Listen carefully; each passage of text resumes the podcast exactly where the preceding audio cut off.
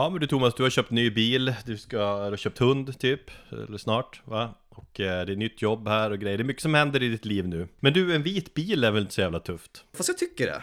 Mm. Jag skojar jag bryr mig ju inte. Jag hade ju vit bil förut också. Men det är kul att folk engagerar sig liksom. Där folk skriver till mig, men du, eh, valde han en vit bil? ja. Böget säger folk ja, där. lite böget eller äh, det är väl ja, ja, lite va, sta, standard med vit färg. Jag själv har ju, min färg är crystal blue. Det är lite mer kosmisk färg, det är lite mer Lovecraftian liksom. Bra segway där in i avsnittet.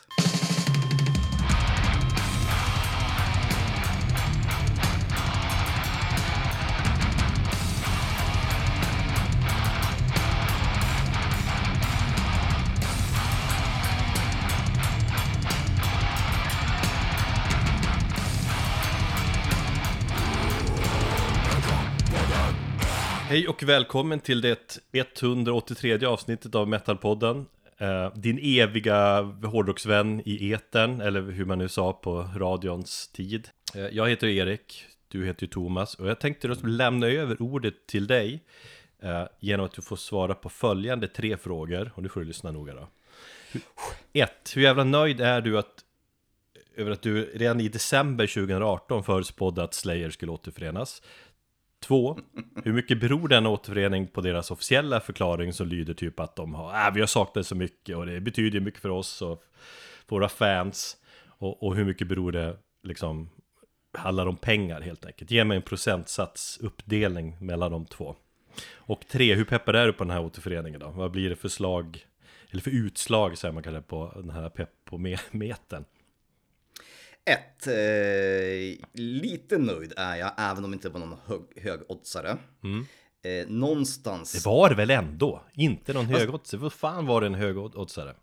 Nej. men fast, nej det var det väl inte. Det kommer ju bli Kiss och Mötley Crüe av det hela. Däremot så är jag ju besviken för att jag trodde att Tom Araya någonstans hade lite mer integritet. Kerry King, det är absolut någonting som jag förväntar mig av. Mm. Så att eh, ja, lite nöjd är jag, men ändå besviken över hela fenomenet. Eh, fråga två var vad, vad det beror på. Jag har faktiskt inte läst någon officiell Det officiella är att de har saknat det helt enkelt. Fan, det är viktigt att Slayer finns i världen idag. Vi har saknat det, fansen saknar oss. Det är bullshit. Eh, det, är, det är bullshit. Och det är pengar som styr. Och jag kan tänka mig att Tom Araya det är dyrt att leva. Eh, jag kan ta 20% att de har saknat 80% pengar. Mm. Och nej, jag... Alltså visst, nu kommer de till Stockholm, i och med att jag missade dem på sista spelningen. Det var länge sedan jag såg dem, det var typ 2015 jag senast såg bandet. Så ja, jag kan tänka mig att kanske gå och se dem för nostalgins skull, även om jag inte tror att det kommer vara sådär jättebra. Eh, men jag tror ju också än så länge att det bara handlar om två stycken spelningar. Så vi får ju se om det kommer... Det så brukar ju oftast vara, ja det börjar med en spelning, så blir det en till spelning och sen så... Ja, de, test, de vill ju testa det helt enkelt. Ja, och Men vadå, du säger att du tror inte att det skulle vara så bra ifall de skulle komma till Sverige? Har Slayer någonsin varit dåliga? Fast du får ju ändå tänka på att det var sex år sedan de spelade här ja, senast. Fan. Eh, de börjar bli gam gamla. Mm. Eh, det kommer ju bara bli nostalgiakt. Och jag, jag kan tänka mig att se dem. Bara för att det skulle vara ett spektakel. Mm. Eh, men sen så är det ju också här att jag tror att det, det har ju snackats väldigt mycket om att just fin, Panteras och fin, Phil Anselmos reunion där. Att det är liksom inte anledningen till att Slayer bara tittade på dem och bara helvete det finns pengar här att tjäna. Och Mm, mm, precis. Jag, så jag, tror att, jag tror att de har tittat väldigt mycket på Pantera och märkt att fan, det är ju dock en helt annan grej. Vad fan, det var ju som 20 år sedan de låtarna spelades. Så ja, ja. Nej, men jag brukar ja, väl säga nu för tiden att om Refused skulle återförenas, eller om, om de kunde återförenas, eh, så kan alla band återförenas. Speciellt när Dennis Lyxzén är liksom eh, helt öppen med att det handlar om pengar. Nej, jag är slut på pengar. Fan, de, de eh, erbjöd en miljon, eller vad det nu är för hemlig summa. Eh, det är svårt att säga nej till pengar. Så det, ja. Inte ens punkare har integritet. Fan vad är det för värld Nej men det är exakt, det är väl lite så. Men det är ju så, ja. Det var ju så tydligt avslut på hela Slayer-grej, sista turnén. Jag kände folk som drog till USA och såg dem alltid. Men... Ja, och det, det, det, det är ju det som känns det trist att det, det, det är ett hån mot de människorna så här tidigt. Och, och speciellt som man körde den här av, avskedsturnén i, i, i vad är det, två år. Ja. Det är så jävla, det är som att pissa på folk och deras sista minne. Absolut jättekul för de som, som inte eh, såg dem, men Men det var ju, Så det började mitt i för det, när vi såg Hovet-spelning, det var ju sista Sverige-spelningen. Eller vi, Ja. jag i alla fall. Eh, men då blev det också en Sweden Rock-spelning ett halvår senare. Det, redan där började de och kände, ja, ja. Eh, Men just Tom Araya som liksom efter varje spelning såg, såg liten och trött ut och gubbig ut, stod kvar och tittade på sin publik för sista gången. Det var ju liksom, ah, symboliskt. Sen var ju Kerry King tydlig med att han aldrig ville lägga ner, lägga ner bandet. Gary Holt och Bostaff är ju liksom, de är ju mer hired guns. Så det är klart som fan de ställer upp. Så det har ju stått mellan King och Araya. Och som sagt, Araya insåg att det var dyrt att leva. Eh, sen var jag, jag, jag var ju besviken, eller besviken först kanske, liksom bara fan skärp er, men nu är jag lite mer positiv ändå. Det är väl härligt att folk får en möjlighet att få se Slayer igen. Jo vars, det har i alla fall engagerat väldigt mycket. Men jag känner ju bara liksom, låt liket ligga kvar i graven. Ingenting kan vara heligt Nej. längre, eller oheligt i det här fallet.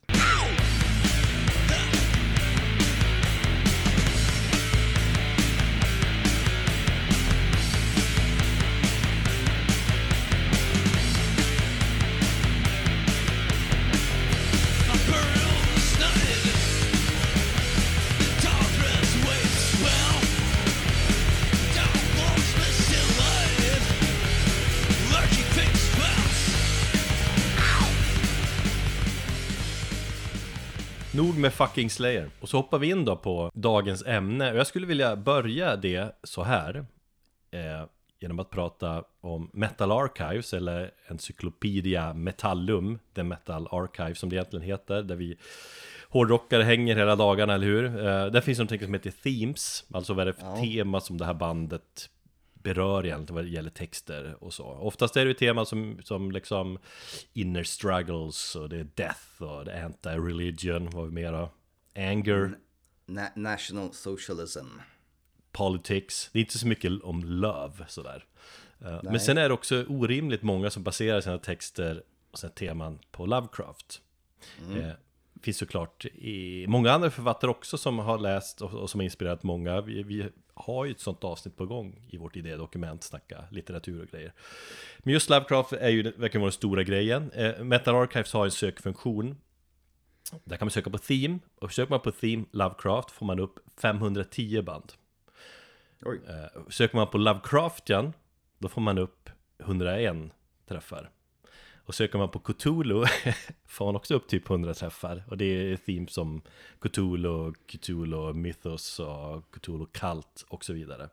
Just ja. Eh, och om man söker på Bandcamp och söker på Lovecraft där så kan man klicka på View More i oändligheten. Så att ja, det finns en hel del Lovecraft-band där ute. Ja, och det är ju lite grann med den premissen som vi eh, närmar oss det här ämnet. Finns det någon annan författare som är liksom är, är, är Tolkiens eh, uh, Sång, Sång om ringen och, och Midgård Är, det, är, han, är han tvåa kanske? På liksom metalband som har baserat texter på Någon författares uh, värld Ja, om eh, Lovecraft är någon form av fadersfigur för all form av skräck och många metalband baserar ehm, tematiken på det så är väl ja, power metal baserat på, på fantasy och fantasys urfader är väl Tolkien. Så att, ja. Ja, det är väl de två. Mm. Eh, Det finns band också, sista Metal Archives grej här. Det finns band som heter, jättemånga band som heter ju bara Cthulhu. 1, 2, 3, 4, 5, 6, 7, 8, 9, typ 12 Eh, Och så finns det Nuclear Cthulhu, Teen Cthulhu Bong of Cthulhu. Det är kul Church of Cthulhu, Cry for Cthulhu, Spawn of Cthulhu Star Spawn of Cthulhu Och så vidare Eh, Jösses, man hör eh, vad varje individuellt band spelar i för genre. Bong of Cthulhu är ju inte någon jävla svårgissat. Det är Stoner Ja. Ja. Nej men författaren eh, Howard Phillips Lovecraft är ju liksom enorm inom metal och det är det vi tänkte utforska i det här ämnet, eller i det här avsnittet och vi har ju pratat innan, innan om att vi har kommit fram till att ämnet är liksom enormt och oändligt, känns det som. Man börjar skrapa lite på ytan här och där och så möts man av enorma mängder information och grejer av olika slag och kan spinna vidare i all evighet. Det skulle liksom gå lätt att, eller hur, starta en Lovecraft-podd och hålla, hålla en sån i, i åratal. Ja, absolut. Eh, han är väl eh, lika stor för, för metal och, och för skräcklitteratur. Ja, det finns ju väl ingen större än så. Jag tänker att Lika, likadant som du brukar säga att liksom allt är rock så skulle man ju kunna säga att all skräck kommer från Lovecraft mer eller mindre. Mm. Och eh, utan Lovecraft så hade ju inte skräcken sett ut som den gör idag och då menar jag inte att allting behöver vara liksom direkt inspirerat av honom men liksom alla förgreningar och så som har liksom kommit med åren sedan han, han var aktiv i skräckkulturen. Så jag skulle ju säga att skräcken hade varit betydligt fattigare. Precis. Eh, och jag tänker liksom att man ska ha det i åtanke med tanke på hur stor han är att vi, vi skrapar sagt, lite lätt på ytan och innan ni börjar skicka in och fråga eh, varför vi inte pratade mer om om Bong of Cthulhu och sådär. Eh, så, så, eller, den där, eller den där boken, eller den där grejen. Ja. Så får man ha det, vi ska försöka hålla, hålla det hyfsat kort här, men det, det finns eviga fördjupningar att, att göra. Vi har några frågeställningar här i början lite grann innan vi dyker ner i andra saker. Ja, precis. Frågeställningar som vi har tänkt på när vi har förberett det här avsnittet och som vi kanske ska försöka svara på under avsnittets gång lite grann, ta med oss. Um, vad har vi för frågeställningar? Ja, vi bär med oss det genom hela avsnittet. Um, är det inte tjatigt och gjort med Lovecraft-lyrik? Kan man tycka, efter alla dessa hundratals eh, band liksom. Fattar vi grejer med varför Lovecraft står över all annan horrorlyrik? Den frågan, eller den frågeställningen är jag inte riktigt lika hundra på, men det får du kanske stå för. Ja. Och hans eh, problematiska sida, eh, som jag hade tänkt att vi, det kommer nog säkert vi dyka ner i. Är inte snubben cancelled, eller hade han blivit cancelled idag? Mm. Vi tar med oss de där frågeställningarna och så får vi se mm. om vi kan svara under avsnittets gång eller i slutet kanske, eller ja. Det vet jag inte riktigt. Vi har inte själv pratat med varandra om de här riktigt, så det blir spännande. Eh, Precis som eh, Tom och eh, Carrie King så, så pratar inte vi med varandra förutom när vi gör podden. Jag tror vi skulle göra en Tom och Jerry-referens och det hade varit roligare. Nej. Exakt, så är det ju. Men vi ska ju börja med liksom människan Lovecraft. Vem var då den här Howard Phillips Lovecraft? Kort fattat då, är författare inom skräck och eh, framförallt skräck då, fantasy och science fiction. Amerikan, levde nästan hela sitt liv i staden eh, Providence i delstaten mm. Rhode Island. För ganska länge sedan levde han ju. Mellan 1890 och 1937 dog Han blev bara 47 år eh, gammal. Dog av tarmcancer om jag förstått rätt. Han dog liksom två år innan andra världskriget började. Ja, precis och, det är och ändå så var han, ja. Det är länge sedan. Eller ja, vad fan, farsa föddes ju 45 och han brukar säga att tiden Livet har gått fort så att, jag menar, ja. Kanske inte är så länge sedan ändå. Jo men det är ju, han var liksom det Föddes på 1800-talet, Lovecraft och dog liksom. Han hann inte vara med om allt som har hänt. Nej, ändå hade han stor inverkan under sin korta, sin korta livstid. Och han var ju eh, en, som sagt en författare som var också kraftigt eh, påverkad och influerad av Edgar Allan Poe. Mm. Och om man ska säga att Edgar Allan Poe kanske är den ultimata fadern av skräck eller liksom konstiga historier. För det började, jag tror att liksom skräcklitteraturen skulle man väl kunna säga att den började med Edgar Allan Poe. Ja. Men att eh, Lovecraft det var inte så mycket skräck som det var kanske eh, fant historier om, om lite så olika äventyr och, och, och, och, magi och sånt så tog ju H.P. Lovecraft och gjorde det till riktig skräck. Lovecraft såg ju Poe som, Edgar Allan Poe som the God of Fiction. Ja, eh, precis. Nu, nu, kan man ju inte Edgar Allan Poe så bra. Alltså man läste ju om honom i skolan. Eh, han liksom var ju pionjär inom sätt att skriva skrämmande grejer och mm. typ detektivböcker typ sådär. Just ja. Han skrev väl många dikter framförallt? Eller? Alltså man, man kan ju inte riktigt sin Edgar Allan Poe. Jag har ganska dålig koll, men han var ju poet, novellist, han var redaktör, han var lite allt möjligt. Kan du säga något verk han har gjort? Det är precis det jag försöker kolla lite grann här. Eh, Korpen, vet jag väl en klassisk. dikt. Just ja, ja. Skitsamma. Eh, Men Edgar Allan Poe på, har ju påverkat Lovecraft enormt. En annan sak som det pratas en del om, eh, som han har blivit liksom, har påverkat honom. Eh, indirekt är hans eh, pappa menar många då. Han var ju enda barnet, rika föräldrar. Hans pappa blev sjuk väldigt tidigt, alltså när, när Lovecraft var, fortfarande var barn, ett par år gammal. Eh, och dog senare då, på ett hem lång, i långt gången syfilis. mm. Som hade liksom när, när syfilis är långt gången och man inte botar det så, så, så kan det ju skada hjärnan på olika sätt. Och det är liksom, den här pappas död verkar ha påverkat Lovecraft mycket på det sättet att han med det ska han aldrig sagt eh, till någon att han, ja men det var syfilis han dog av, utan hans förklaring var att, det berodde på insomnia och liksom att han jobbade för mycket. Och just det där menar jag liksom att det, det speglar många karaktärer som han har skapat Lovecraft. Att många är de alltså, alltså ja, lider av sömnlöshet och överarbete och så.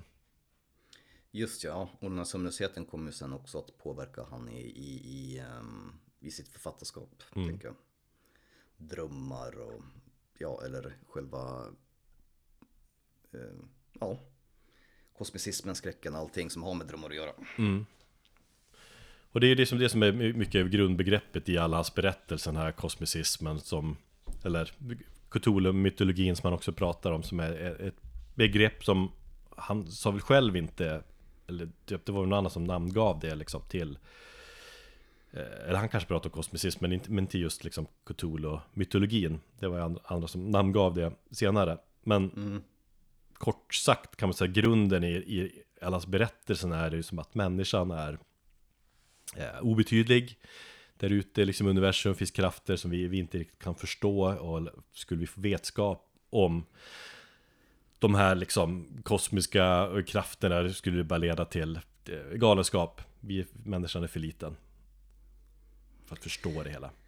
Ja, eh, jag tror också för att man ska kunna förstå lite grann vem Lovecraft var och hans verk så behöver man kanske också förstå var han kom ifrån rent eh, politiskt eller vad hans, hans världssyn var. Jo, visst, han hade den här världssynen om att människan är obetydlig, men den är ju också grundad i någon form av att han var, trots att han var amerikan så var han ju en enorm anglofil. Ja, Han dyrkade ju det brittiska samhället.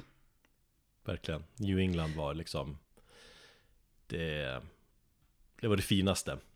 Det var det finaste. Det var, han, han verkligen såg, eh, han var ju tror jag förespråkare eller liksom beundrade Torypartiet. Eller Tory var han kallas, men jag vet inte om partiet fanns då.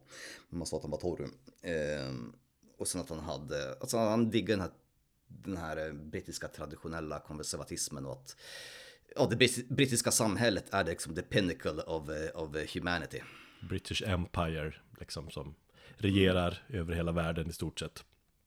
På den tiden. Vilket, vilket idag, ja, är ganska lustigt när man tittar på honom. Han ser nästan ut som en britt, han var ju ganska ful. Ja, han var ful. det får man väl säga. Ja, men exakt. Ful britt. Men jag tyckte lite, Cthulhu-mytologin har jag ju liksom läst om ytligt liksom tidigare. Ja. Du vet Wikipedia, läst om den här världen som han skildrar det här universumet där människorna är små och obetydliga i jämförelse med de här skrämmande liksom kosmiska urväsena liksom. Mm. Cthulhu-mytologin kretsar mycket kring de, the great old ones, gäng gudalika varelser, Cthulhu är en av dem. Eh, Men, men som jag förstår, eller som jag, jag liksom insett, så det handlar liksom Visst, det handlar om gudar, men det kanske ännu inte ordagrant. Det handlar ju mer om, om liksom, speciellt den här tiden också, då han levde, och om det okända allmänt. Allt som är okänt är ju liksom läskigt. Uh, olika former av, av liksom okändhet, uh, ljud som man inte kan förklara och, och monster och, och liksom jo, hemska drömmar och konstiga människor, svarta människor han är svårt för. Allt okänt är läskigt och det är liksom Allt, ja, han symboliserar ju- han, på något vis med de här eh, gudarna.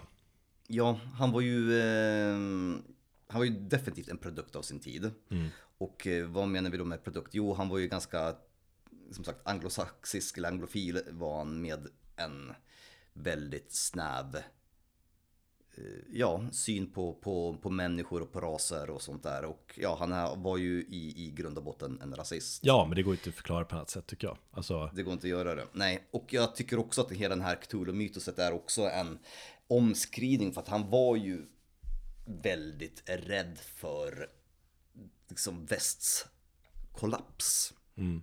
Och jag kan tänka mig just hans rädsla för, för, för den vita överheten och, och liksom västs förfall är väldigt talande i hans, eh, i hans litteratur. Och det, kom väl, det är väl mer talande i början än vad det blev under senare år. Jo, för kan vi förklara med att han levde i en där ganska liten värld då liksom i, där han kom ifrån och det är som det är New England och eh, Alltså han, han såg den vita rasen som starkast eh, och gärna också den, liksom den typer av vit person som han var, som vi var inne på, liksom att man kan prata engelska. Det är väl härligt ändå, liksom att han, han hatade fransmän och italienare och spanjorer och så vidare. Gillar inte migranter överhuvudtaget och allt skit de förde med sig, liksom, som han såg på det.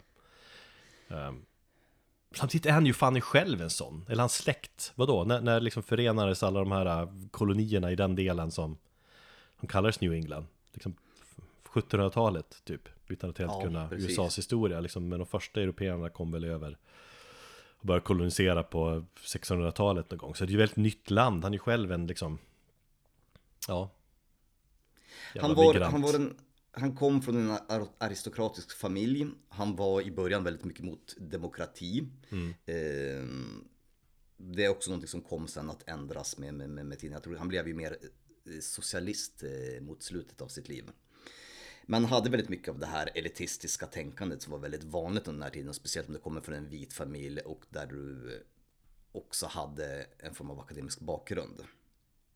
Mm. Eh, han hade en form av intellektuellt aristokratiskt tänkt och såg ner på alla som inte var bildade. Eh, och det är ju där vi kommer in till hans eh, lite problematiska sida, om vi ska gå in på, på det här med att, eh, ja, rasismen och hans ehm, beundran av Hitler och hur, om han hade varit cancelled idag. Det hade han ju. Han hade ju inte, han hade ju inte kunnat nå ut med, sin, med sina verk på samma sätt idag som han, hade, som han gjorde då. Nej, då är det ju. Han har ett gäng ytterst tveksamma uttalanden bakom sig och det finns en hel del citat. Han skrev mycket brev och, och som jag förde diskussioner med folk och det har liksom analyserats varje ord han skriver i brev. Eh, som sagt liksom att han gillar Hitler och det är en kul prick liksom så. eh, och svarta, Men... det är liksom ett hot mot the, the master race och så, och så vidare. Fast det var ju inte bara svarta, det var ju, alltså det här har jag märkt att det är en skillnad, om man nu ska göra en skillnad på rasism och rasism. Nej men eh, absolut, han var, han var en, en, en eh, beundrare av Hitler. Man tyckte också Hitler var, var fel ute som, som menade på att Hitlers rasism bygger på eh, etnicitet och här, alltså härkomst. Mm. Hans rasism var ju mer tagen i ett kulturellt, eh, en kulturell härkomst, eller kulturellt och akademiskt upbringing. Eh, han menade ju att mot, alltså mot senare tiden av sitt liv så menar han ju att människor, och alltså lägre stående människor, alltså han, han gillade ju inte spanjorer, han gillade inte italienare, han gillade inte svarta, han gillade ju inte någon som kom överhuvudtaget från ett exotiskt land. Eh, men han menar ju på att de här människorna kunde assimileras med tiden också och för att det handlade om att vara bildad.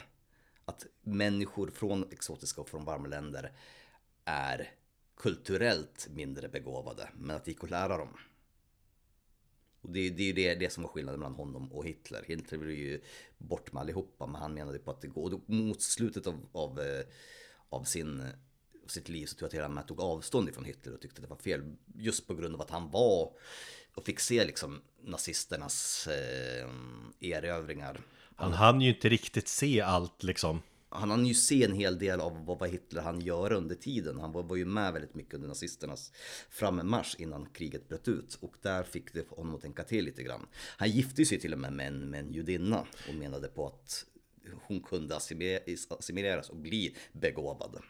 Ja, nej men exakt, det, det är som när han var ung så hade han ju mera extrema åsikter så med åren så blev han kanske lite mindre men samtidigt bara sista åren han dog har ju skrivit mycket saker också som gör att han framstår som liksom riktigt tok rasist också, men det, det är vissa grejer så att han, han gifte sig med, med, en, med, med en kvinna som var jude.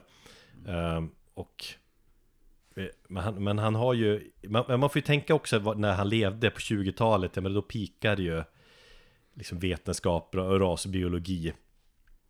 Det var liksom, det var ju vetenskap. Ja. Första världskriget hade ju liksom varit slut. Tyskland låg i spillror. Och jag menar, det var, ja, jag, var ju allmänt jag, accepterat, liksom rasbiologi. Det var ju riktig vetenskap och det, jag tycker det speglas mycket i hans eh, i hans verk. Det, det är inget, man märker ju det när man läser att det, det, man, man, får ju ha, man får, det, det, det snackas mycket negros och, och man ser liksom den hela den här tveksamma synen han har på andra, eller på människor som ser annorlunda ut och kommer från andra kulturer. Ja, det är ju bara att titta på, på Sveriges egna eh, historia på, om rasbiologi och samer och, så, och finnar. Mm. Från, den, från den tiden. Nej men jag, jag försvarar inte på något sätt men jag tycker också det är väldigt viktigt att se det här och sätta det i ett sammanhang också. Eh, I en kontext där hur världen såg ut också. Mm. Att även om han var fortfarande en svinig människa så, så medade han ju på att hans Hans syn på människor och på, på, på raser var ju lite annorlunda ifrån Hitlers, även om det var fortfarande lika grotesk. Um, men det är fascinerande men... att läsa det, för han är som sagt hyperintelligent och bara hur han uttrycker sig och uh, det, det är en liten wow-känsla. Den där, den där intelligens, ja, det där med hans, att han skulle låta så intelligent. Jag tycker att det finns en så här högtravande akademisk ja, jo, det är väl snobbism. Det. Men, som, men det förvånar mig. Ja. Uh, han hade ju liksom det här, alltså just att han var, han såg sig lite bättre än andra. Och jag tycker att han ibland faller på sin egen, på sin egen elitism. Mm. Men, uh, ja. Han ska ju varit som ja. värst när han, när han uh, när han bodde två år i, i Brooklyn, i New York, då, mm. då, då, skrev han The Horror of Red Hook som eh, är väldigt rasistisk liksom. Eh, mm. Men då var, då sa ju hans fru också att då var, han blev ju Lovecraft blev arg och rasande bara när han var och det, han bodde väl lite, lite av ett, ett slumområde och han var bara arg när han såg liksom bara migranter där. Det blev för mm. mycket för honom så han flyttade väl hem till tryggheten i Providence. Jo, det, det var ju väldigt tydligt just den boken också. Mm.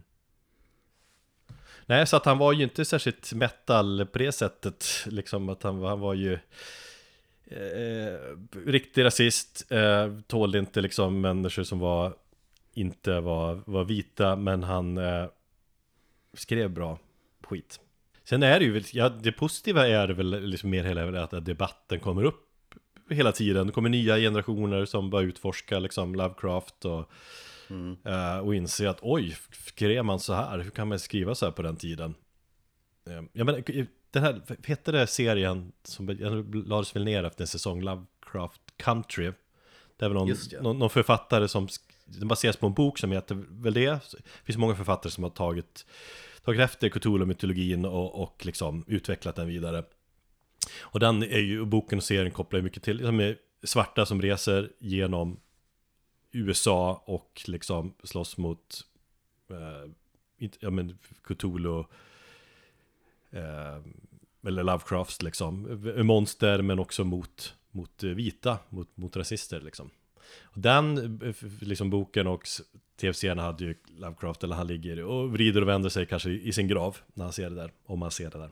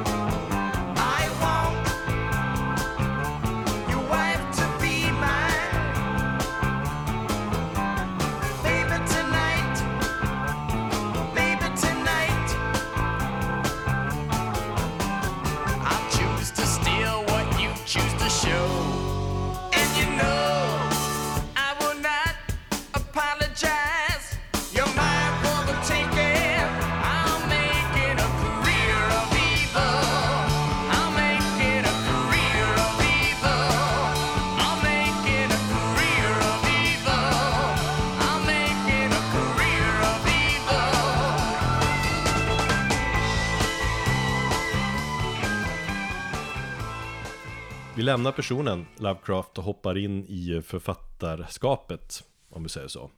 Ja. Vi tänkte dyka lite djupare i hans bibliografi. Eh, och vi kommer tänka prata lite grann om fyra av hans verk. Vi har valt två var. Eh, vi äger båda boken Necronomicon, eh, mm. The Best Weird Tales of H.P. Lovecraft, som är en samling som har, har samlat typ hans bästa verk. Det är en jävligt tjock bok på, jag tror det är 900 sidor nästan. Och när vi skrev ner idén om att köra ett Lovecraft-avsnitt för ganska länge sedan nu Så var grundidén väl att vi, vi skulle båda läsa ut hela boken Ja Och så skulle vi prata om våra favoriter eh, Sen har vi kommit fram till att när vi läst en del i boken att eh, Vi orkar inte läsa den här boken för det är liksom det, det är av varierande kvalitet om man säger så mm.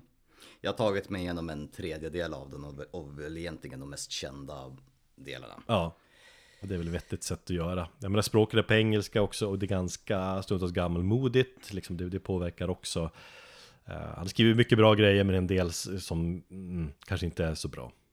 Och det här, här kommer vi in lite grann på, på också hans liksom, elitism. Han har ju som sagt varierande kvalitet. Han har fått, blivit kritiserad av det. Han har blivit kritiserad för att, dels har han ju fått väldigt mycket beröm för att han ibland skriver helt fantastiskt och otroligt målande. Mm. Och det kan jag hålla med om. Men han har en sån otrolig, är så otroligt duktig på att skriva över läsarens huvud på ett sätt som han nästan, han är nästan föraktfull gentemot läsaren.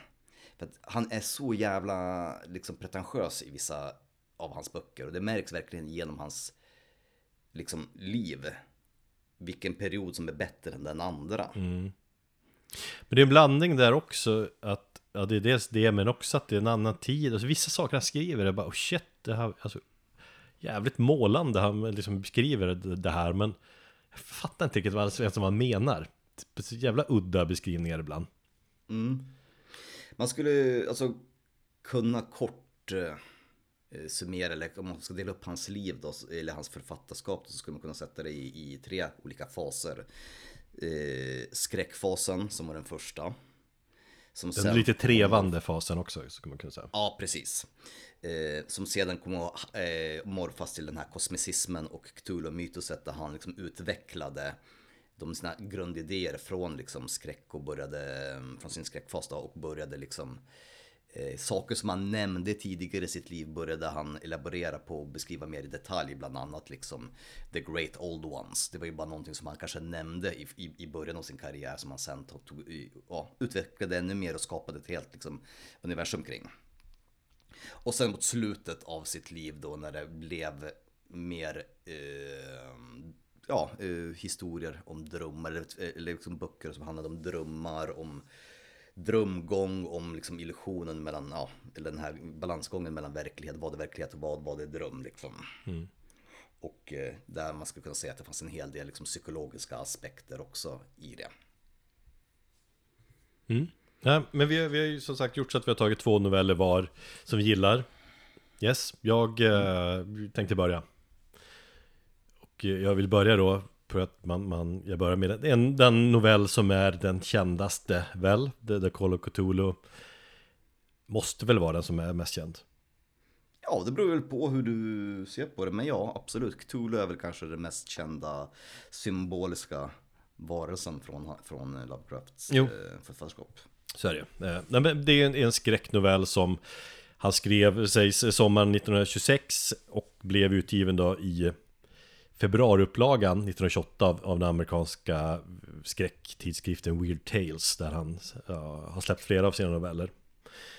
Och den, det är ju, Cthulhu är ju en ikonisk novell på många sätt för att den har skapat hela den här kosmiska skräcklitteraturen och det universumet. Det är storyn som introducerar den här uråldriga mardrömslika varelsen som ligger och slumrar där under havet. Och jag, jag, jag läste den här för ganska många år sedan, typ på 90-talet.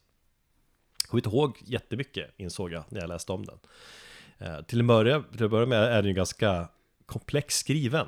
Alltså den handlar ju om kar karaktären Francis uh, Thurston som uh, ja, men det är skrivet på ett dokumentärt sätt kan man säga att Francis undersöker det jobb som hans döda farbror har gjort och läser hans anteckningar och tidningsartiklar och liknande. Så det blir liksom en story i en story och liksom något, något på något ställe blir en story, en story, en story också.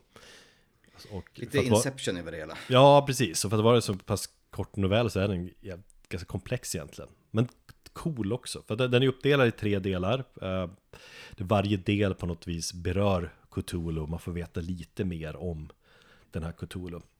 Eh, så första delen handlar om någon äcklig lerskulptur av slag eh, och de sjuka drömmar som den som, han, som har skapat den får. Eh, den andra delen handlar om eh, voodoo-kult i Louisiana och det som händer runt den, massa sjuka rituella mord och hemskheter sådär och sista delen som heter The Madness from the Sea handlar ju om eh, norrman Gustav Johansen eh, som är seglare och eh, ett gäng sjömän där som får liksom en direkt konfrontation med den här varelsen. Eh, och jag tycker liksom att när man läser här Lovecraft, han är ju han är skicklig i den här berättelsen på att väva in den här liksom känslan av obetydligheten i människan. Det växer fram mer och mer när den här han som undersöker det här och får fram den här bilden av, av Cthulhu och liksom hur man märker att han brottas och får de här insikterna om shit, det är några krafter där ute som vi inte kan förstå. Mm. Ehm, den här uråldriga varelsen och, och som har slumrat sin evigheter och, och, och liksom bara, ja, är bara säga bortom allt vi, vi förstår och att han i slutändan själv är fara. Det är liksom det är snyggt, skickligt och jag vet inte, det... Alltså det, det är ju det som Lovecraft var så jävla bra på ja. i, i, i, många av sina böcker. Att skapa den här, den här känslan av... Eh, obehag alltså, skulle jag säga. Obehag, att det verkligen finns någonting bortom. Som, han, han, han sätter ju aldrig riktigt fingret på exakt vad det är, men man läser på de här olika Alltså, på den tiden så när han beskrev sina olika gudar och sånt där så, så var det ju bara alltså skriftligt hur han beskrev dem. Och sen så har ju konstnärer genom åren tolkat hur Cthulhu ser ut och sådär. Mm. Så jag menar den, den, den bilden av Cthulhu som vi ser idag är ju egentligen en tolkning av någon artist som tolkade honom för första gången på den tiden. Men det är fortfarande det här att han, man kan aldrig riktigt sätta fingret på hur de ser ut egentligen. Nej, man får göra sin egen tolkning. Sen underlättar det såklart. Och bildgoogla Cthulhu-bilder. Vissa är ju, jag menar det finns ju uh, South Park-versioner av Cthulhu och det finns mm. liksom andra som har gjort jävligt mer skräckenjagande bilder. Men exakt, man, man, man målar upp en bild på där man inte riktigt förstår utan att man känner mest, det här mm. är, det är något obehagligt. Väldigt mycket psykologisk skräck. Ja, det, det, och det är ju så det verkligen är det här okända. Mm, jag tänkte på det för att jag spelade ju det här Call of Cthulhu-spelet som kom för, för några år sedan. Ja, du gjorde det? Ja. Mm.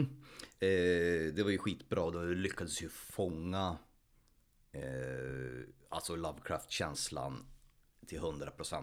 Jag har ju tänkt spela det, men jag har läst lite både och om det också. Alltså, vissa tycker skitbra, andra tycker att det är mindre bra, men kanske man ska göra. Alltså, det, är, det är bra om du ser det ur ett storyperspektiv. Du har olika... Mm, det är ju liksom multi-choice, så beroende på hur du spelar spelet så har du ju tre olika slut. Mm. Som du kan få som är i olika grad bra eller dåliga. Eh, sen så är ju spelet i sig ganska så låst. Det är inte open world utan det finns bara egentligen en väg att gå så måste du lösa saker. Så att, har du klarat, man, klarat hela? Ja, ja, absolut. Jag var tvungen att så sparade jag precis innan liksom sista och testade lite olika slut bara för att se vilket som var, ja, vilka slut det var. Mm. Eh, men nej, det, det, lyckas, det lyckas verkligen få in känslan av det och just att Cthulhu också inte är så jätte, jätte framträdande i bild i spelet utan han finns ju mest bara där i bakgrunden hela tiden. Och, och påverkar på något sätt. Mm. Och påverkar på något sätt. Så att, eh, ja, ett bra skräckspel. Eller skräck skulle jag inte säga, jag tycker det är mer mysigt att skapa den här känslan om du vill bara försvinna i ett universum som du och jag brukar gilla att göra. Mm. Så rekommenderar jag det. Nej men den här Call of Cthulhu ska man ju läsa för den är ju så pass ikonisk. Det, det är väl, alla menar väl kanske inte att det är hans bästa verk, men det är ju hans mest ikoniska verk, helt klart. Jag tänkte jag skulle börja med The Color Out of Space som är en bok som han släppte lite senare i, i sin karriär, nämligen 1927 skrev han den. Och eh, jag väljer att börja med den för att Det anses av många vara hans bästa verk. Det har fått väldigt mycket just eh, beröm eller så här, kritik för att han, han, han, han lyckas, han uppnår någon form av, i sitt författarskap så är han liksom på toppen när, när det handlar om att beskriva och liksom eh, ja, skapa den här liksom känslan av obehag utan att man riktigt, riktigt vet vad det är.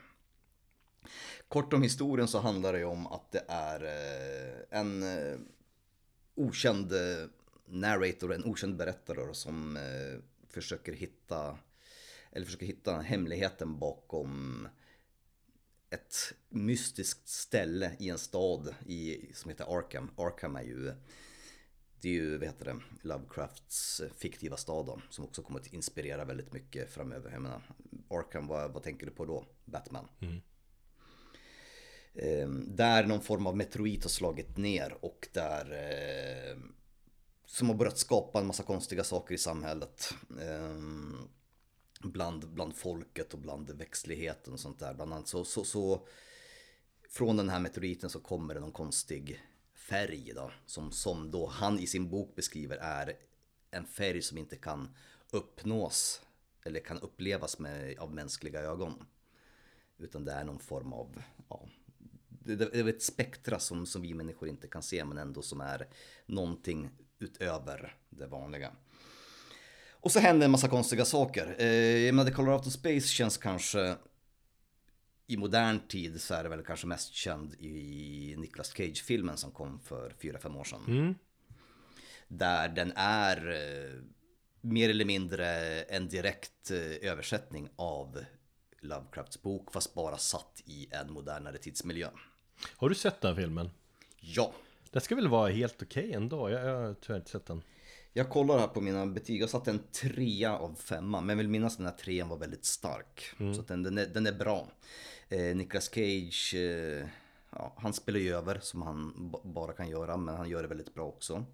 Mm. Eh, och den här filmen med Nicolas Cage, eller den här The Colorado Space, det var den första i en trilogi av Eh, Eh, filmer som regissören vill eh, skapa. Han vill skapa ett eh, Lovecraft-universum.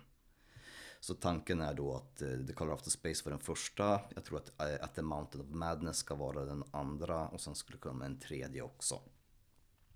Så förhoppningsvis så ser vi fler filmer som, som ja, gör honom eh, rättvisa så att säga. För ur ett rent så historiskt eller ett berättande perspektiv så, så är ju filmen väldigt snarlik boken. Mm. Förutom att små, små grejer har satts. Eh, nej, jag, jag diggar boken, både boken och, och filmen. Det blir nästan lite klarare när man sett filmen. För, det, för det, då, de här sakerna som han... I filmen så, så, så allt det här, den här färgen som han pratar om, den här utom jordiska färgen som kommer ner och slår ner på jorden, den är ju i, i, i uh, filmen översatt till en väldigt lila, rosa neonfärg som tar över allt mer det här eh, området där folk blir liksom muterade och eh, boskapen blir muterad och folk blir konstiga och sen slutar det med att alla människor tappar fattningen och blir galna. Och det är ju väldigt talande också för Lovecraft att väldigt många av hans karaktärer eh, som eh, liksom undersöker alla de här sakerna i hans Cthulhu-universum. Kanske inte riktigt stöter på dem face to face men de blir väldigt, det är väldigt många som blir galna. Har du tänkt på det? Väldigt mycket galenskap. Mycket galenskap och det är liksom självmord och, och det är för att de, människan en gång kan inte hantera liksom vetskapen om den, den här skräcken och det som finns bortom det ja, liksom precis. För mycket det för jag... mänsklig hjärna att ofta fatta. Och än en gång, det är också, många menar, menar då att de här karaktärerna som återkommer, som blir galna, är kanske en koppling till hans pappa då, som blev ja, hjärnskadad på olika sätt. Ja, och det är det jag menar är lite också den här talande för honom är att det är ju inte skräck liksom någon form av slasher-skräck utan det är ju så här, det är konstant den här psykologiska skräcken, det är ju mm. den som jag tycker är den läskiga. Mm. Och det är också, jag menar, skräck, man kan se på det olika sätt. Men jag, man kan gilla liksom skräck som är kopplad till människan liksom och ondskefulla människor typ men, men det här är ju det här Det andra Det som är där bortom Sån skräck som så på något vis blir ännu mer ah, Jo, Nej, men med, med The Colorado Space så, så var ju Lovecraft ganska trött och på hur utomjordingar eh, porträtterades i, i, i litteraturen. Mm. Så han ville ju göra någonting annorlunda från alla andra och försöka liksom skapa ett form av monster, en form av eh, rymdvarelse som är någonting som man aldrig någonsin har sett förut eller hört talas om. Så han vände sig väldigt mycket till liksom olika vet, eh, vetenskapliga tidskrifter där man pratade om just olika former av prisma, olika eh, ljus och, och liksom artiklar och forskning om just ljus för att skapa den här historien.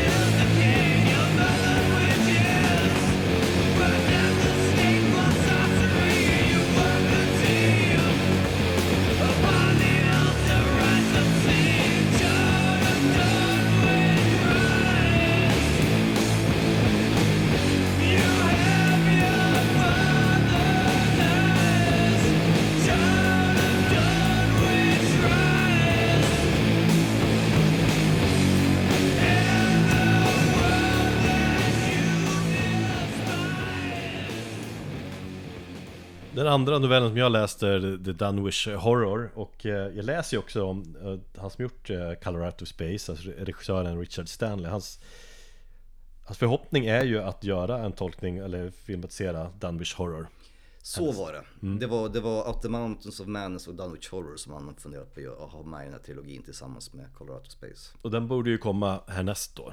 Det är nästa film. Och det finns ju en filmatisering från 70-talet av The Dunwich Horror som den verkar vara extremt dålig och extremt låg budget och som liksom när man Lovecraft-fansen säger att man ska undvika.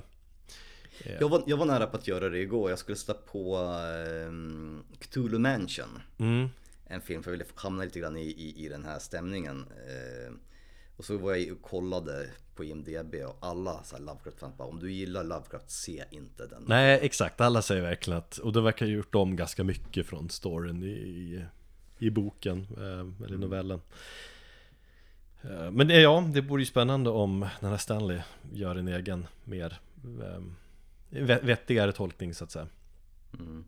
Men Dunwich Horror är väl också en av hans klassiska skräcknoveller. Fan, är det skillnad på novell och roman? En novell är kortare va? Novell är en kortare berättelse, en roman ja. är en, en. Men, men en roman på engelska heter ju novel. Mm. Mm.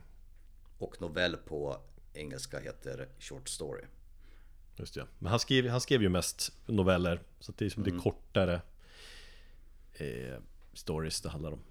Men det Dunwich Dunwich. Det finns en stad, det är lite förbryllande där. Alla är inte helt eh, med på hur man uttalar. För det, eller det finns en eh, stad i England som heter Som stavas likadant men det uttalar man Dunish Jaha. Ja Mer än jag visste mm. Men det är en story om en eh, person som heter Wilbur Waitley. Mamma beskrivs som en, en eh, deformerad inavlad albino typ Som knappt kan gå eh, och handikappad. Och farsan är okänd. Dunwich, det är ju en fiktiv stad där hela den här storyn utspelar sig då i USA En stad där alla inte är riktigt hemma. Det är mycket liksom inavel och de pratar med väldigt bred dialekt Vilket framkommer i texten också, han, Lovecraft skriver liksom i dialektform liksom. Ehm, Det är lite störigt men det är härligt, man får verkligen känsla av att det, det, det är fullt med eh, inbreds överallt, du vet och att Dunwich... Det är svårt att följa med ibland. Jävligt svårt. Ja. Det jag menar med att han ibland liksom går över ens huvud när han blir väldigt högtravande i sitt språk. Och till exempel adopterar eh, antingen sådana dialekter eller allmänt skriver bara väldigt komplext. Ja. Jo, men det är ju sagt, det, är, det skrevs ju för hundra år sedan så att eh, det har väl jo. sin förklaring.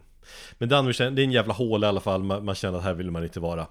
Eh, och så vilar det någon form av förbannelse över staden och det som man inte riktigt förstår och det är allmänt liksom jävligt sunkigt och alla är väldigt bakåtsträvande liksom milt uttryck. Eh, och den här Wilbur Waitley föds och växer då onaturligt snabbt. Han lär sig läsa och skriva och, och är stor som en vuxen människa efter typ tio år. Eh, och beskrivs liksom som väldigt, har väldigt egendomligt utseende jämförs med en get typ. Eh, han blir 8 feet lång, det är typ 2,40 lång. Stor, väldigt speciell varelse. Eh, och han hänger mycket med sin morfar och det förekommer ritualer och det är mörk magi och grejer. Eh, och det är allmänt märkliga och bisarra grejer som, som händer. De köper boskap som bara försvinner och det är konstiga ljud i, i bakgrunden i den här lilla staden och det, det är fåglar som beter sig märk, märkligt och sen spårar ur på ett härligt sätt. Eh, men det är jävligt bra, det är kusligt och det ger en verkligen så här obehaglig känsla som vi har varit inne på som han är så duktig på. Med att liksom beskriva en speciell atmosfär som är i det här fallet mystisk men också ganska så här, groteska beskrivningar som man håller på med. Mm. Ja, den, den, den en, finns väldigt mycket groteskt i den eh, berättelsen ja. Så är det verkligen. Och här, den här novellen är också en del av, av Cthulhu-mytologin eh, på det sättet att i novellen förekommer den här Necronomicon, inte den här boken som vi har pratat om utan den här fiktiva boken Necronomicon som eh, Lovecraft ofta relaterar till i hans stories. Mm. Det är en okult bok då som det som häftiga med det är att många andra författare har ju e-, efter Lovecraft använt den som ett element mellan, sig, i sina egna berättelser. Jo. Den, Necronomicon Necronomicon ska ju bland annat beskriva The Old Ones historia och hur man liksom åkallar de här gudarna och så. Uh, Anders Fager, svensk författare, uh, av många har ju till exempel haft, eller använt den boken i, i sina i sina verk. Okay. Men den finns, Necronomicon finns ju liksom, används ju Det finns ju många liksom populärkulturella referenser som helst till den. Evil Dead-filmerna Det är ju Necronomicon-boken om de läser ur. Um, Fredagen 13 det finns det med i. Och, och, så vidare. Men vi kommer till det också. Um, Men det, det, är en, ja, jävligt läsvärd. Cool. Äcklig uh, Udda The Story. Mm. Electric Wizard gjorde en, uh, en låt som heter Dunwish som är jävligt bra. At the Mountains of Madness eh, Det är min personliga favorit av alla hans eh, Av alla Lovecrafts verk faktiskt. Det är många som håller den högst, ja. Ja, jag undrar just varför. Jag har också så funderat varför Jag tycker att Kanske för att den är en av de första, om, om inte den första eh, I den här nom, no, heter det?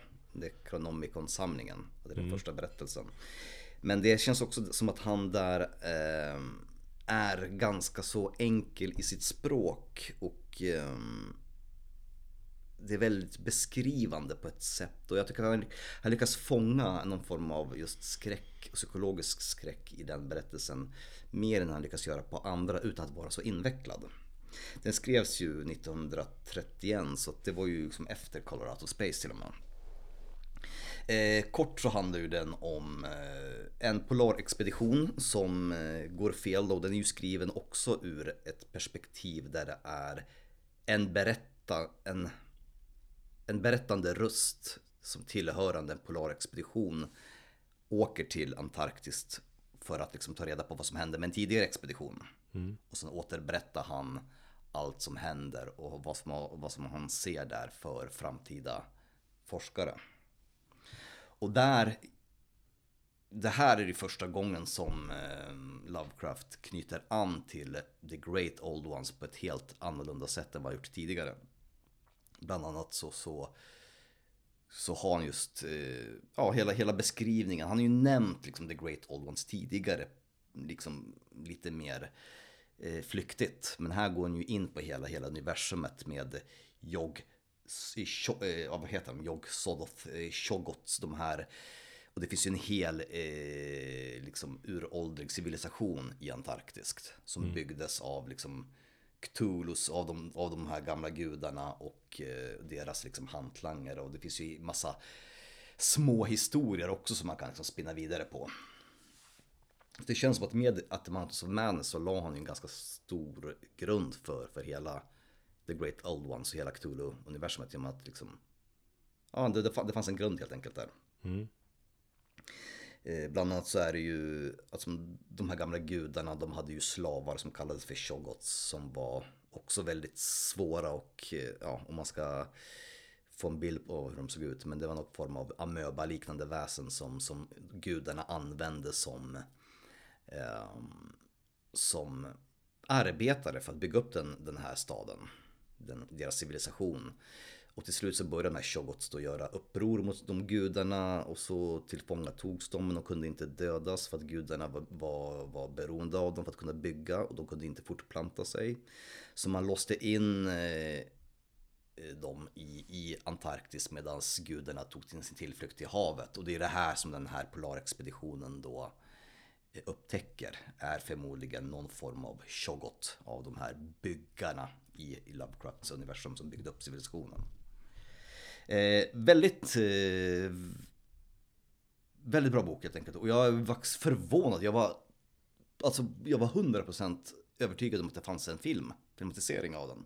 Så jag började kolla lite grann för jag tänkte också att jag ville kolla på det i helgen. Men till min förvåning så finns det inte någon, någon film. Så det, jag tycker att det är en film, eller en, ett verk som skulle kunna översättas väldigt bra till en eh, film. Mm. Eh, närmast... du har fantiserat ihop i din hjärna.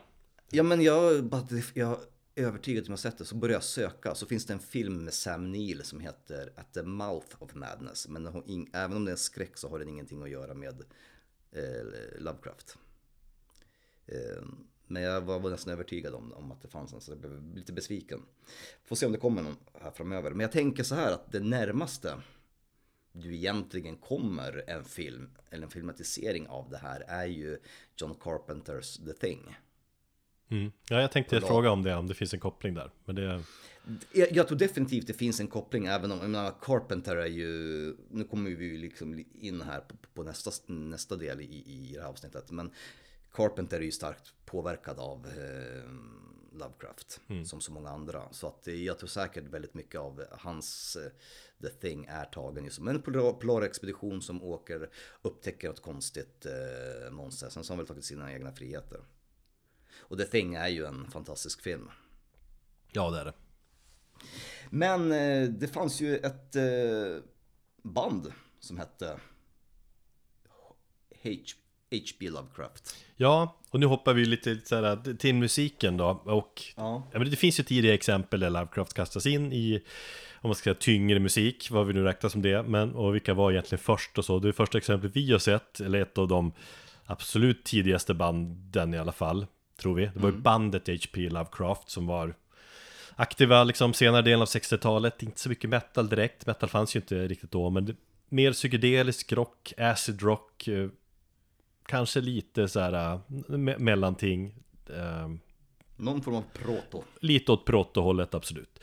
Mm. Inte alls tokigt faktiskt. Det är väldigt eh, psykedeliskt eh, utsvävande liksom ambient tänk och mysigt. Och släppte två plattor, eh, H.P. Lovecraft och H.P. Lovecraft 2.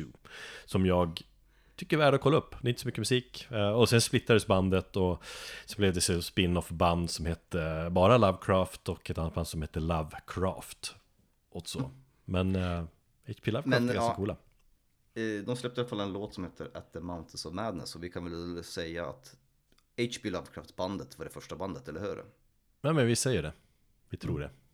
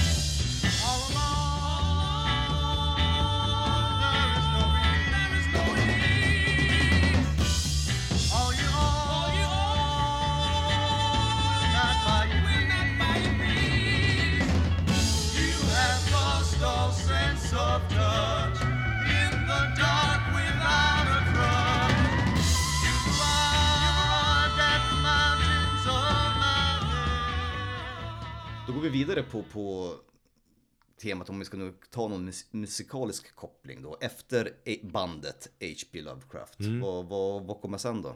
Jo, men Black Sabbath vill ju, är alltid med i början av allt. Jag menar, de var Ja. först med synt och först med liksom metal överhuvudtaget så. Eh, men de var ju också väldigt tidiga med, med koppling till Lovecraft. I, eh, I The Wall of Sleep, Som bygger på boken Behind the Wall of Sleep. precis. Eh, Ett annat band som var jävligt tidigt är ju eh, The Blue Oyster Cult. Som, ja, men, fast då känns det som att de har, jo men de, de har använt ganska mycket Lovecraft Men de, de gillar ju allt liksom, de läser om Godzilla. Bara fan där skriver vi gör en låt. Typ ett av världens bästa riff, Godzilla. Don't Fear the Reaper liksom. Ehm, De läste mycket litteratur om man säger så. Men eh, och de har ju en låt Blue Oyster Cult som heter The Old Gods Return De syftar ju på The Old Ones antar jag liksom Just det. ska komma och eh, ja plocka bort oss så att säga.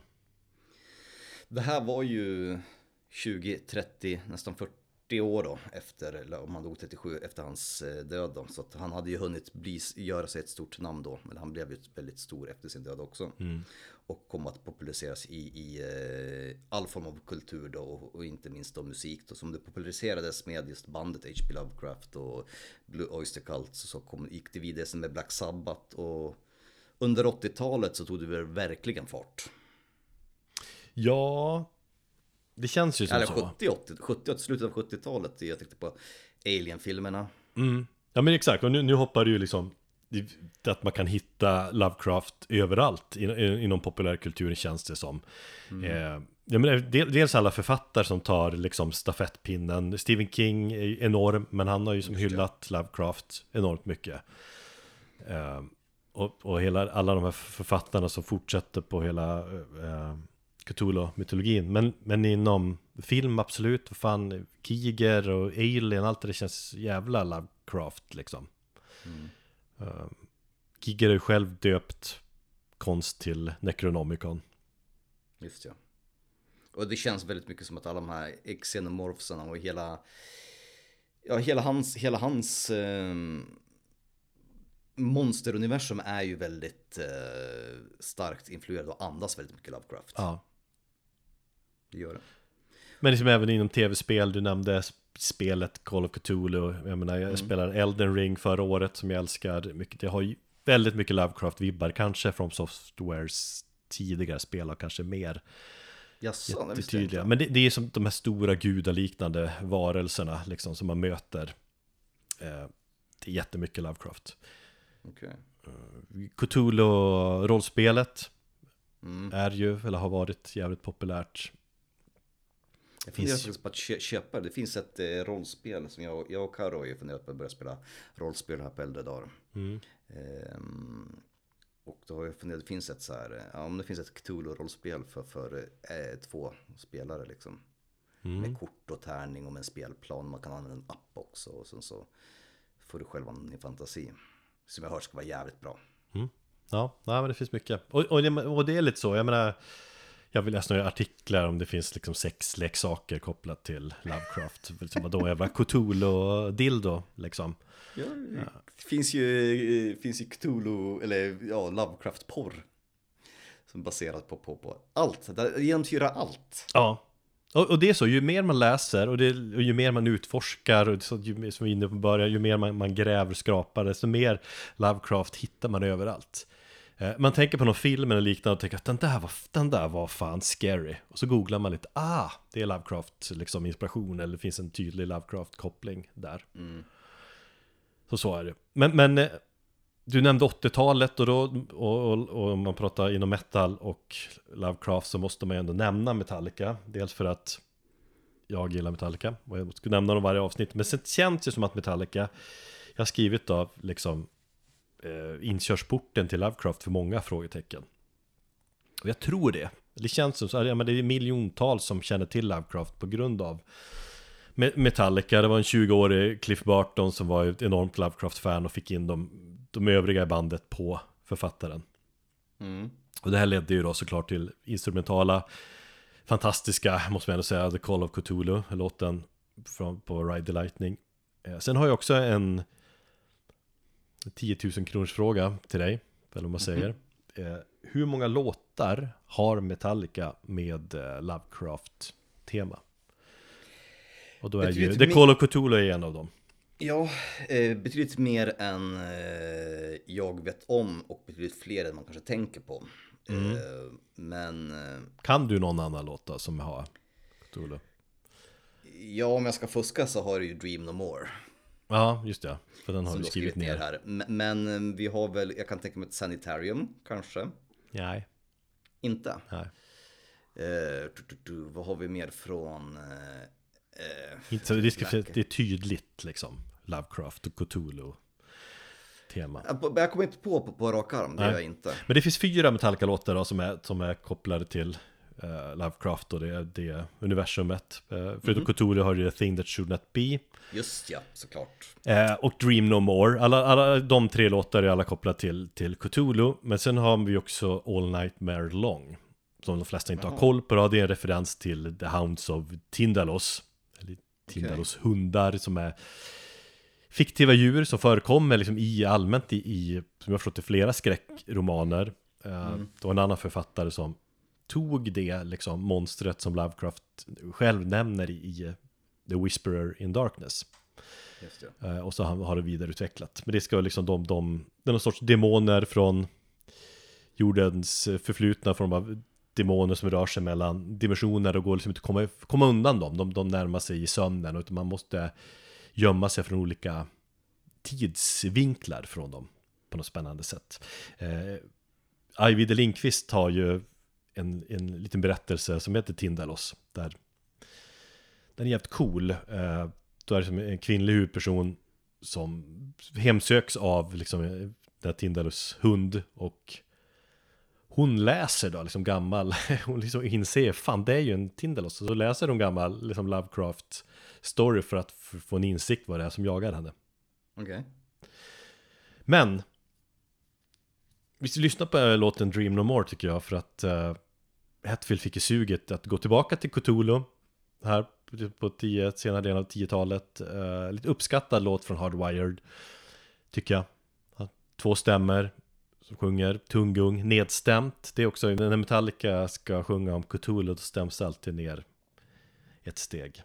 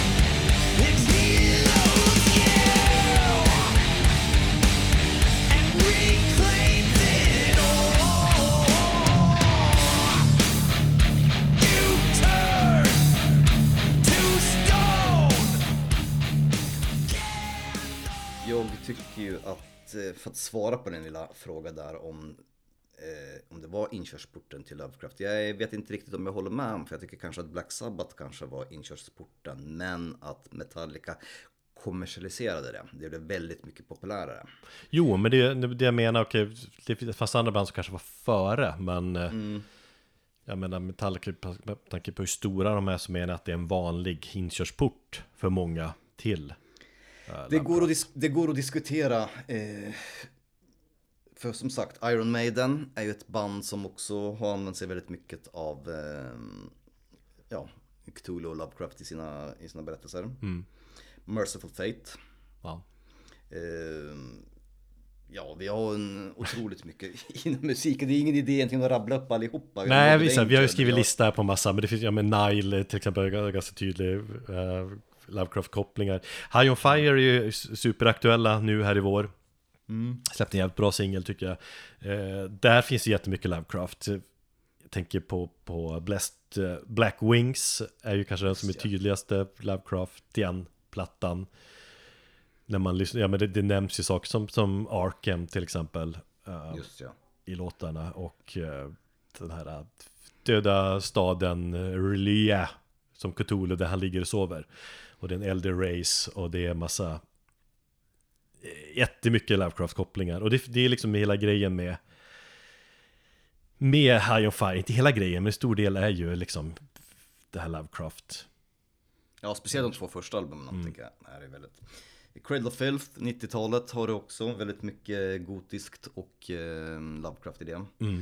Eh, ja, Electric Sleep Wizard sens- har vi ju nämnt Ja men Ja. Sleep, jo men det är en direkt koppling till Matt Pike ju Mm. Eh, Men jag tycker också Electric Wizard, då kan vi nämna Death Breath i samma veva Eh, För Electric Wizard-låten Dunwich, den verkar koppla mer Eller flörta mer med filmen, den här usla 70-talsfilmen Okej. Och lite mer den, den, de här kultfilmerna och 70-talsfilm, lite mer splattertema Den vinklingen på, på Lovecraft eh, Och det verkar vara det som Nick Andersson är lite inne på också Mm. Han har ju berört eh, Lovecraft inte bara med, Death Breath utan även eh, i Entombed såklart Mm. Så det finns ju, jag menar, det är nästan som man skulle kunna säga om alla metalband berör Lovecraft någon gång, liksom tar jag, vad fan ska vi skriva den här låten om då? Men släng in Cthulhu här nu då. Det är så, ja, det är så lätt. Det är så lätt, och men det är också så här, det, det funkar ändå varje gång. Plocka lite ord och så, så blir det bra. Ja, och därför tänkte jag att vi skulle avsluta det här avsnittet med att eh, nämna band som alltså går all in på Lovecraft, som andas Lovecraft till 100%. Mm. För att det är som sagt, det, att göra en lista eller ta upp band och, och eh, nämna band som, som tar upp honom, då skulle man ha, kunna sitta här i en vecka till. Utan vi tänkte att vi skulle fokusera på två stycken band var som vi gillar och som ja, mer eller mindre baserar sin musik uteslutande på Lovecraft. Nej, exakt, band som har gått all in på Lovecraft-universum och, och liksom tagit väldigt mycket inspiration därifrån. I alla fall, alltså både i texter och även, musiken va. Alltså det är att liksom, förutom texterna så ska det vara ja, Det ska inte bara vara att i, när man söker Metal Archive Metal Archives att det är Lovecraftian utan det ska även vara att musiken ska andas och kännas Lovecraft, de ska ha hans liksom verk i själen i det, det musikaliska. Ehm, och det är det inte alla som gör. Man kan ju tycka då liksom att Ja men jag, jag absolut tycker jag om Dream No More med, med Metallica och så Men musikaliskt kanske det inte är Lovecraft Det är en thrash, det är en thrash-dänga liksom. Nej det är ju inte thrash så Men det är ju tung, ja, tung gung metal så Ja. Men eh, det, det ska liksom vara Det är svårt att förklara Nu om, om vi har gått igenom alla de här 666 banden där ute som kör Lovecraft metal Det har vi inte men det- Ganska många så är det ju inte alla de som verkligen Nej, och sen så måste jag säga att eh, det finns några av dem som så här, som jag trodde stenhårt på, som är så här, nämnt som det här är liksom ett Lovecraft-band, är, har varit ganska dåliga. Balsagot till exempel tyckte jag eh, inte var något speciellt eh, kul band. Och det finns många tidiga 90-talsband som ja, kör Cthulhu-temat fullt ut men där musiken är ganska usel. Men det finns ju black metal där man tar upp väldigt mycket med Cthulhu eller Lovecraft men det, det fortfarande låter bara som andra vågens death metal. Det måste finnas den här, den här känslan. Någonting om. i, i det musikaliska liksom som gör det. Ja. Och, och, och jag har kommit, liksom valt de här två banden utifrån hur det har känts när jag har läst Lovecraft. Mm. Eh, alltså att läsa Lovecraft och samtidigt lyssna på Lovecraft eh, musik och se liksom hur effekten blir. Och lite utifrån det, då, då, då, ja, men då, då fattar man grejen. Och det finns i alla fall ett av de här banden är verkligen så, aha, nu förstår jag. Det var ganska Det är som- spännande sätt att, att plocka ut dem på. Det är som när jag läste um, alla de här War, eh, Warhammer-böckerna om um, eh, Gaunt's Ghost. Det var, var det 15 böcker. Eh, och jag bara lyssnade på Bold Thrower på repeat. Ja, just det. För att få komma in i rätt stämning. Det var, det var magiskt. Eh, nej men ett band som jag tycker lyckas helt ypperligt med att få in Lovecraft-temat och som är kanske ett av mina absoluta favoriter. Det är The Lurking Fear. Det svenska bandet alltså. De skrev jag upp direkt åt dig. För jag tänkte Ja. att de ville prata om. Men det du säger att de liksom helt och hållet känns Lovecraft. Ja. Vad menar jag då? Jo, jag menar, jag menar på att, eh, okej, nu är det här ju Tompa Lindberg från At the Gates och, och folk från, från skitsystem. Eh, det är ju liksom ganska blandat. Men Tompa kanske inte, jag vet inte exakt hur mycket han är delaktig i att skriva musiken. Men jag menar att allt ifrån att musiken och produktionen känns väldigt eh, Lovecraft. Du får den här känslan av obehag de lyckas skapa till Tompa Lindberg som är ansvarig för texterna. Mm. Att han, och det har han ju, han har ju pratat om det väldigt mycket tidigare, att han gillar den här magisk realism och han har ju till och med en At the Gates skiva, tror jag vad heter den då? Är det från To Drink from the Night Itself som handlar om just magisk realism och den försöker hitta den här känslan i litteraturen. Och jag tycker att de, alla texterna är på, på något sätt kopplade till, till The Great Old Ones eller Cthulhu-mytoset. Så att det har ju att göra dels med att texter där man är bevandrad i H.P. Lovecrafts universum och dels att du har en musik som andas och skapar den här psykologiska känslan av obehag. Jag kan köpa det, för att jag... Jag gillar aldrig riktigt liksom Lurking Fear från början. Jag tog, du, du, du har alltid varit råpepp på dem. Nej, det har jag faktiskt inte. Jag vill minnas att när, när eh, bandet annonserade att de skulle, eller när, när killarna annonserade att de skulle starta ett nytt band så var jag aspepp. Man såg loggan och, och man fattade att det här kommer, kommer vara väldigt mycket taget från, från Lovecraft. Jag menar, fan, The Lurking Fear är ju taget från en, från en bok med samma titel liksom. Eh, och sen så fick jag, då trodde jag det skulle vara så här 80-tals, ja men old school death metal. Och det var lite modernare än vad jag trodde. Och jag var ju inte så jävla såld på deras första um, platta. Eh, Men det, det lossnade efter ett tag. Mm. Jag var ju mera liksom inställningen att, ah, okej, de, de orkar inte, de tar Lovecraft-tema i brist på någonting annat för att försöka stå ut lite grann. Mm. Men sen, tänker jag, sen vet man vad man får, man kollar vilka som spelar i bandet, så tänker man, så här kommer det låta. Och till viss del låter det också så, men Ja. jag har ju ändrat lite åsikt kring det där. Dels att du, du är så svaga för bandet, så att jag ja, har blivit att jag har lyssnat mer på dem. Men med Lovecraft- Lovecraft-tema så blir det, det blir bättre. Det blir bättre. Gör det. Vi lyssnar på The Starving Gods of Old.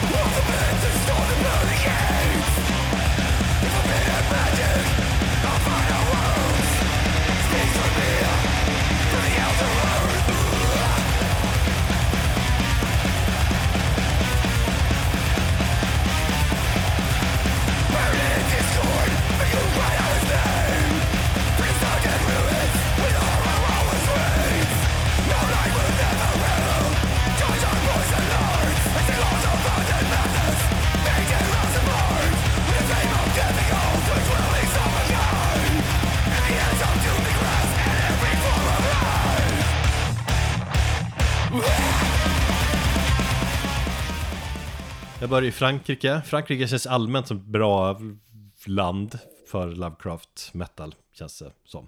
Eh, Jag vet inte vad jag baserar på riktigt. Jo, men det är väl mycket, mycket black metal och, och liksom avantgarde-tänket de har i många band där. Eh, Men bandet jag ska prata om är eh, Blut aus Nord, eller hur man uttalar bandnamnet i tyska. De, eh, blod från norr blir det väl om man ska översätta det. Det är ett franskt band som heter något på tyska, det är helt sjukt ju. Men eh, de är ju någonstans i, ett, i ett black metal-träsk och, och verkligen liksom någonstans, jag vet inte. De, de är också ett av de, känns som numera kändaste black metal-banden från Frankrike. Jag, jag, jag tänker ju liksom Death Bell, Omega är ju där också, Alcest är väl där också, alltså i kändisskap så att säga. Även om det är jävligt stor skillnad på Både i kändisskap och problematiskt eh, apolitiskt. Ja, så är det väl också. Såklart. Men, ehm, men, men i musikaliskt är det ganska stor skillnad på de här banden då. då. Men det, de har ju varit med Bluetooth Nord jävligt länge. Bildades 93. Vi har ändrat stil jävligt mycket sedan dess. Eh, jag hittar ju hem mera bandet på förra plattan. Disharmonium uh, Undreamable Abysses. Som släpptes för ett par år sedan. Ja, precis. Den är svinbra den plattan. Jag för mig att jag pratade om den plattan i något så här bäst just nu avsnitt också Men så verkar inte vara fallet Jag tror att det var jävligt nära att jag gjorde det i alla fall eh, Men något avantgardiskt håll av black metal Jävligt atmosfäriska, väldigt ambient Liksom Vissa förklarar det som horror metal Och jag liksom Om man tar det på rätt sätt Den definitionen så köper jag det Just den här skräckdelen Det blir så här, ja men skräck och metal Fan det blir bara löjligt Eh, men när man kopplar in det i Lovecraft-universumet och den sortens horror som vi var inne på att det är lite något form av obehag liksom, då blir det mer på riktigt och då funkar tycker jag horror metal eh, beskrivningen också. Jag lyssnade på, ett, eh, på en platta från 2012. Eh, alltså det är högt och lågt med det här bandet. Eh, det var EDM och rap.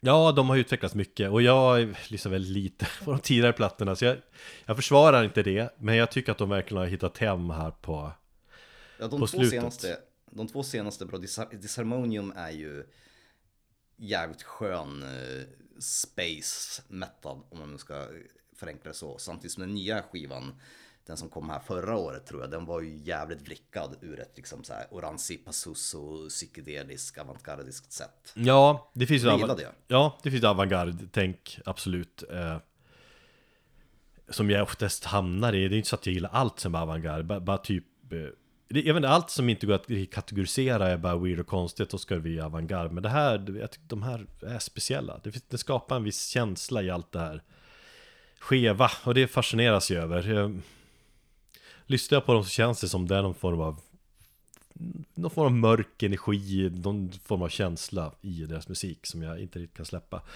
Och eh, den här plattan som släpptes förra året, den heter ju också Disharmonium, fast den heter Nahab. Så båda heter de typ Disharmonium. Jag tolkat det som att det kommer en tredje Disharmonium-platta också. De Okej. sitter ihop. Eh, och det är liksom konceptet där, det är djupdykning ner i det här kosmiska Lovecraft-skräcken. Eh, Och jag tycker väl att den förra plattan, Undreamable Abysses, är lite bättre.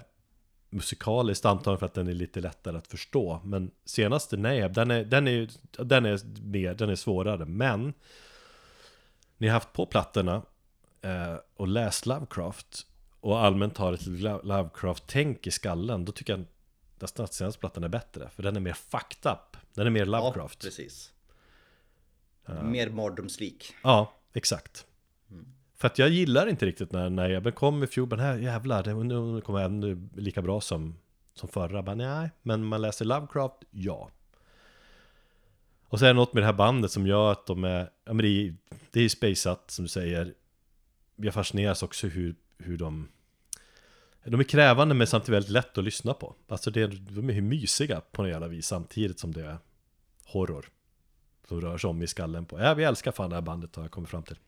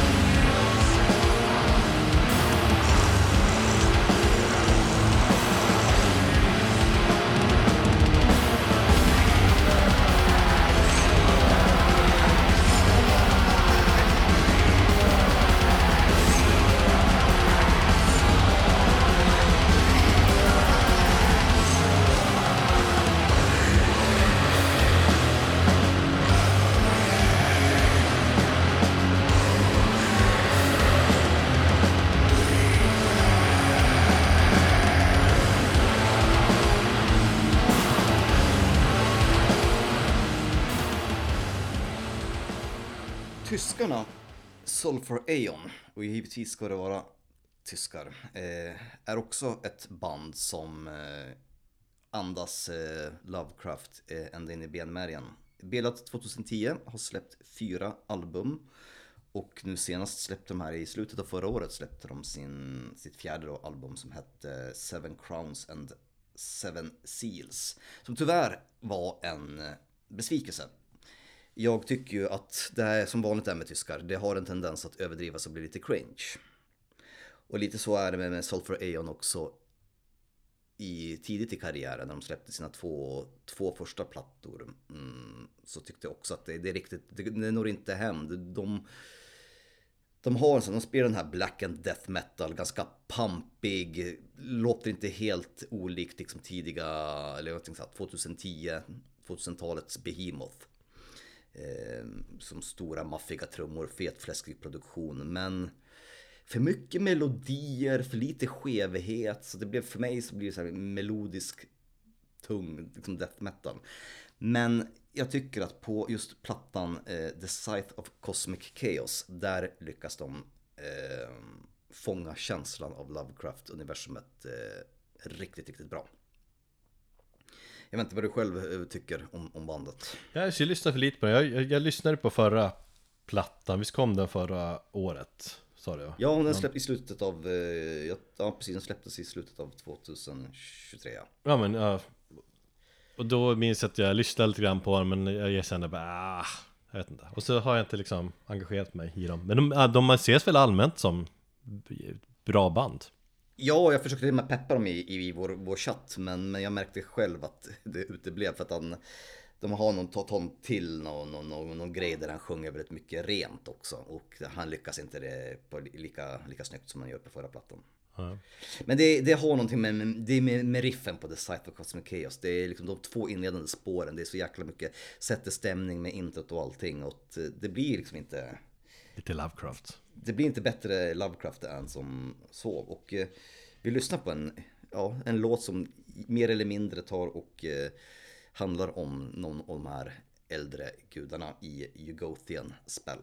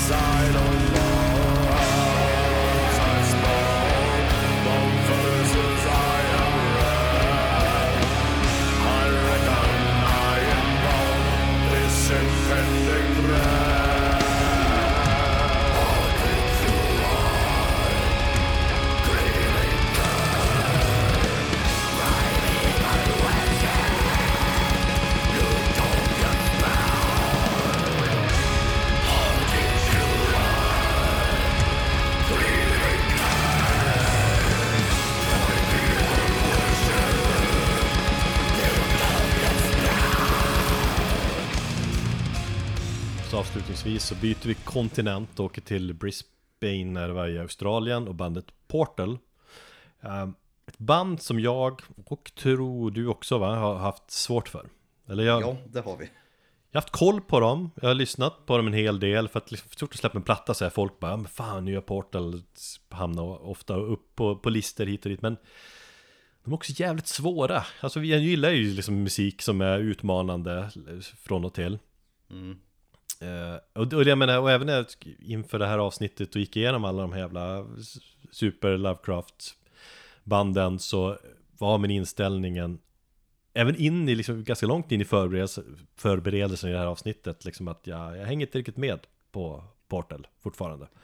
Men, Men, så lossnade det för bägge av oss samtidigt. ja, typ samma dag. Nej men det hände någonting när när jag läste Lovecraft med Portal som soundtrack Och du tog några promenader, jag gick också promenad med, med deras musik, framförallt senaste plattan Ehm, Ja, då lossnade det. Jag kan inte riktigt förklara det, för att de är, de är i någon form av experimentell döds liksom. Det är mörkt jävla sound, mycket repeterande av riff. Skevhet. Skevt, svårt, liksom dess låsstrukturer finns inte riktigt. Ehm, så att det, men, det gör någonting med mig. Och, och just nu tycker jag att Portal är typ världens mest eh, unika band på en jävla sätt. Jag, kan, Ja, jag jag- tycker inte det liknar någonting annat just nu. Nej, jag vet. Jag, min portalpepp slog i taket. Jag har somnat in till dem. Eh, vilket faktiskt har varit otroligt. Jag skrev det till dig igår. Jag tycker att det finns, det finns något meditativt i att det blir så repeterande och det blir, det blir skevt. Det blir bara liksom... Det finns ju inget mellanregister utan det är bara så skevhet rakt igenom. Det är bara ljud. Ja. Och så på något sätt, ett vitt brus som på något sätt stillar mig. Jag till och med igår när jag vaknade lite tidigare, vaknade vid, vid, åtta på, på morgonen, så stoppade jag i hörlurarna, satte på porten och somnade om. Ja. Det var, det var riktigt härlig känsla. Jag vet inte riktigt vad det är med dem, men man bara helt plötsligt så fattar man dem. Nej, de, de, är- och det det- exakt, det går inte riktigt att förklara, det låter ju också när man håller på så här, de är helt unika grejer, men man, man ska egentligen bara uppleva dem och ta sig lite tid med dem, försöka, för jag tror man blir belönad i längden på något jävla sätt. Ja, Så vi ska avsluta med Portal och med det ska vi också avsluta det här äh, avsnittet som vi har tagit oss igenom då. Jag har suttit och svettats här. Tänk, kommer Cthulhu ta oss i slutet eller hur bl- blir det? Men jag tror vi kommer upp levande från andra sidan. Vad fan är grejen? Lovecraft och metal, funkar det fortfarande? ja det Ja. tycker jag. Om man gör det, går all in. Det är också lite grann, det är en snubbe som skrev massa liksom Stories om ja, gamla gudar och eh, den lilla människan det är, Metal, folk gillar ju den, den grejen Ja, Sen var han ju den här liksom elitisten som han var liksom, det funkar också för många Speciellt inom vissa genrer av metal ja rasisten också, funkar också jättebra inom black metal. Absolut. Men sen är men i grunden har han ju en någon, någon nihilistisk liksom världssyn ju. Allt är ju meningslöst, människan är ju värdelös. Eh, och det, det tilltalas jag av och många hårdrockare tror jag. Lovecraft var metal. Helt enkelt. Innan, Innan- metal fanns. Precis. Man ska prata om hans problematiska sida tänker jag också nyttigt. Men man måste också tänka liksom när han levde och hur man såg, många såg på saker och ting då. Mm. Så eh, jag vet inte, jag tidigare tänkt när jag läser ah, ett Lovecraft-band, då blir det lite så suck. Men nu kommer jag att tänka, ah, ett Lovecraft-band, spännande. Hur har ni gjort er tolkning på Lovecraft här nu då? Det är faktiskt en väldigt bra, bra tankesätt. Mm. Cool. Vi, som sagt, vi ska lyssna på Portal och med det så säger vi tack och adjö. Nu ska jag ta en, en eh, hundpromenad. Något som, som, som du kommer göra jävligt mycket framöver. Absolut. Och försöka gå kapp mig på vår väg i fantasy hike på vår väg till Mordor. Just det, jag måste skicka min senaste uppdatering till dig. Ja, gör det. Gott så, ta hand om er. Ha det bäst.